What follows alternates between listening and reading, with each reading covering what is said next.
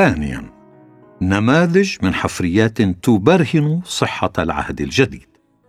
ألف مكانة لوقا كمؤرخ لا يرقى إليها الشك ويقول آنجر إن علم الآثار القديمة أثبت صحة قصة الأناجيل وعلى الأخص إنجيل لوقا. ويقول هناك اتفاق عام اليوم على أن سفر الأعمال من قلم لوقا. وإنه يرجع للقرن الأول للميلاد وإنه بقلم مؤرخ صادق دقيق في مراجعه. يعد السير ويليام رامسي أحد عظماء رجال الآثار قاطبة وقد تتلمذ على المدرسة التاريخية الألمانية في منتصف القرن التاسع عشر. ولذلك فقد اعتقد أن سفر الأعمال كتب في منتصف القرن الثاني الميلادي. وقد مضى يبحث عن أدلة على هذه الفكرة. ولكن بحوثه جعلته ينقض هذه الفكرة تماما. فكتب يقول لقد بدأت بحثي بدون تحيز أو اتجاه للفكرة التي انتهيت إليها. بل بالعكس لقد بدأت وأنا ضد الفكرة لأن المدرسة الألمانية التي انتميت إليها كانت ضدها ولم يكن في نيتي مطلقا أن أفحص هذا الموضوع. ولكن بعد بحث دقيق وجدت أن سفر الأعمال مرجع عظيم المعالم الجغرافية والتاريخية للمجتمع في آسيا الصغرى. ولقد وجدت أن المعلومات الواردة فيه صحيحة بصورة مذهلة.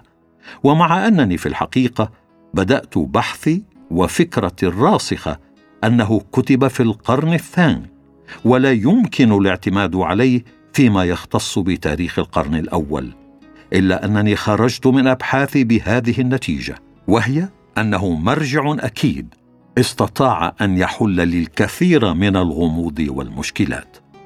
ويظهر رامس احتراما كبيرا للوقا كمؤرخ فيقول لوقا مؤرخ من الدرجة الأولى لا لأن عباراته صادقة تاريخيا فحسب لكن لأنه يملك حاسة تاريخية حقيقية.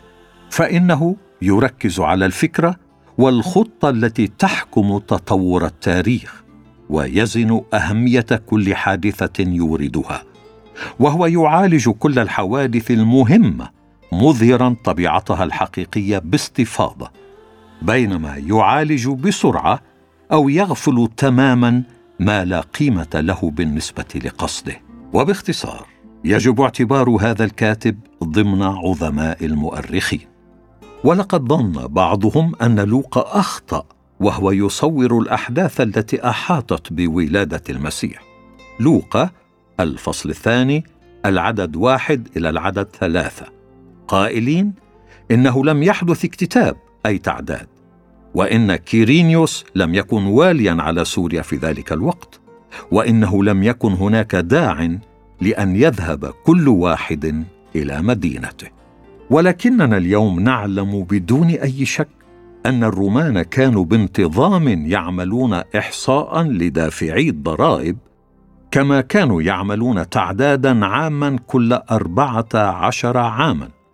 وقد بدأ هذا النظام في عهد الإمبراطور أوغسطس وتم أول تعداد في عام 23 إلى 22 قبل الميلاد. أو في العام التاسع إلى الثامن قبل الميلاد وتكون إشارة لوقا للتعداد الأخير. ووجدنا دليلا على أن كيرينيوس كان واليا على سوريا في العام السابع قبل الميلاد وذلك من كتابة وجدت في أنطاكيا. ومن هذا نرى أنه كان حاكما مرتين مرة في العام السابع قبل الميلاد ومرة في العام السادس للميلاد. وهو التاريخ الذي يذكره المؤرخ يوسيفوس. ووجدت بردية في مصر تذكر كيفية إجراء التعداد. تقول بسبب التعداد القادم يجب على كل من يقيم بعيدا عن بيته لأي سبب أن يجهز نفسه للعودة إلى موطنه الأصلي وحكومته لاستكمال تسجيل العائلات في هذا التعداد ولتعود الأرض المزروعة إلى أصحابها.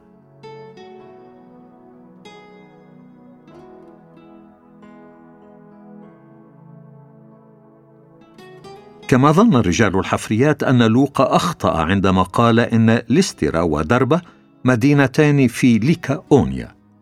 ولكن إيقونيا ليست كذلك. أعمال الرسل الفصل الرابع عشر العدد السادس. وقد بنوا افتراضهم هذا على كتابات بعض الرومان مثل شيشيرون الذين قالوا إن إيقونيا في مقاطعة ليكاونيا. واستنتجوا أن سفر الأعمال لا يعتمد عليه.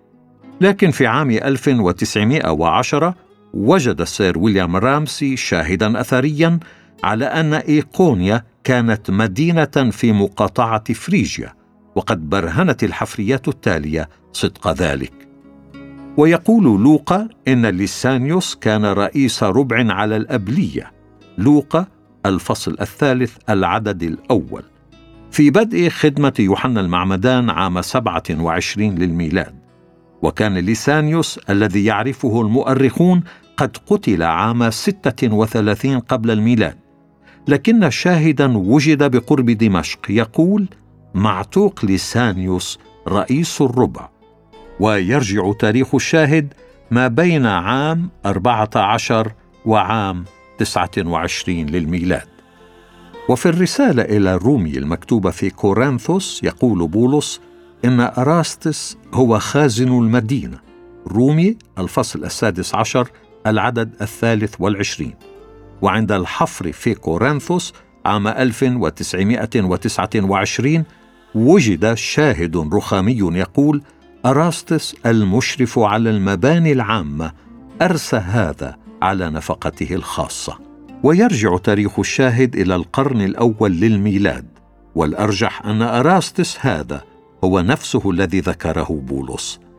وقد وجد في كورنثوس شاهد رخامي آخر يقول مجمع العبرانيين ولعله كان على باب المجمع الذي حاج فيه بولس أعمال الفصل الثامن عشر العدد الرابع إلى السابع.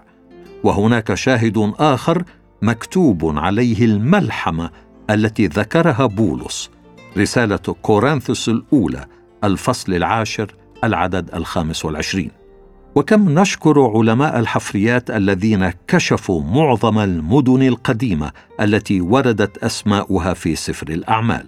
ونتيجة لذلك يمكن أن نتابع كل رحلات بولس.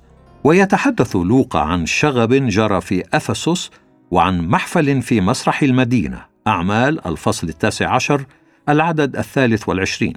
وقد وجدت هناك كتابة تتحدث عن تمثال أرطامس الفضي الذي وضع في المسرح خلال المحفل وقد وجد أن المسرح عند الحفر يسع خمسة وعشرين ألف شخص.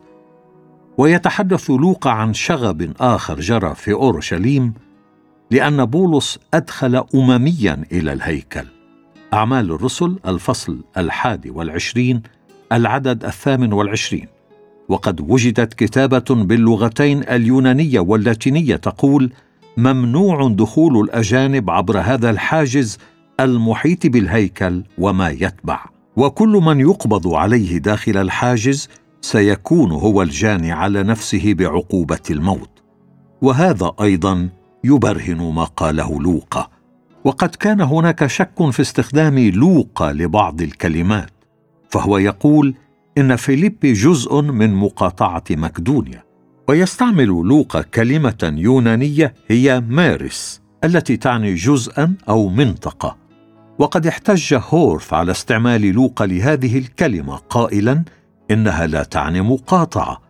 ولكن الحفريات برهنت على أن هذه الكلمة تصف أقسام المقاطعة وهكذا برهنت الحفريات على دقة لوقا وقد استخدم لوقا كلمة والي كلقب لجاليون.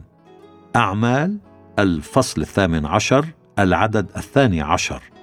وثبت أن هذا هو اللقب المضبوط كما جاء في كتابة تم اكتشافها في ديلفي.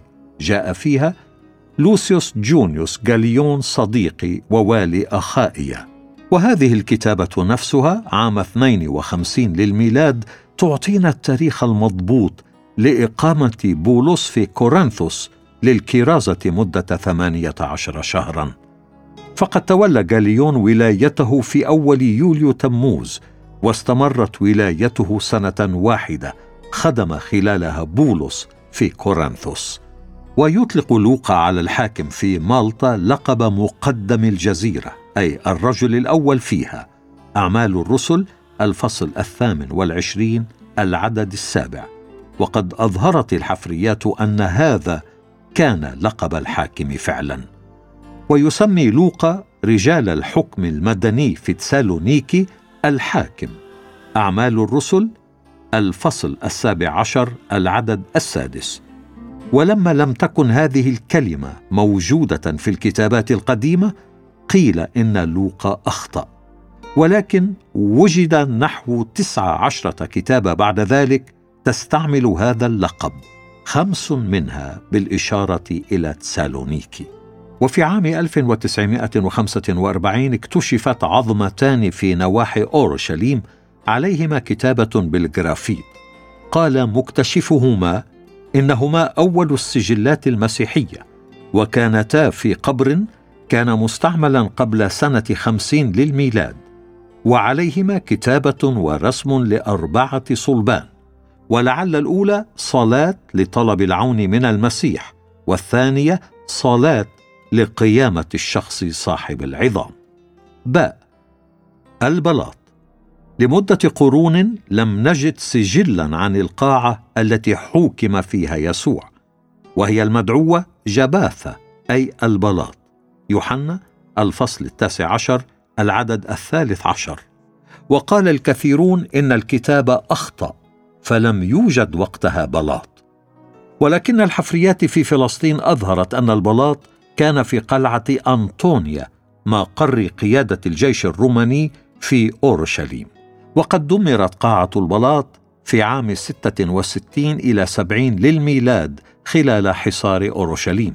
وظلت مدفونة حتى عندما أعيد بناء المدينة في عهد هادريان ولم تكتشف إلا حديثا. جيم بركة بيت حسدة. لم يكن هناك ما يدل على وجودها إلا في العهد الجديد ولكنها وجدت الآن في شمال شرق المدينة القديمة وقد وجد رجال الحفريات بقاياها في عام 1888 للميلاد بالقرب من كنيسة القديسة حنة.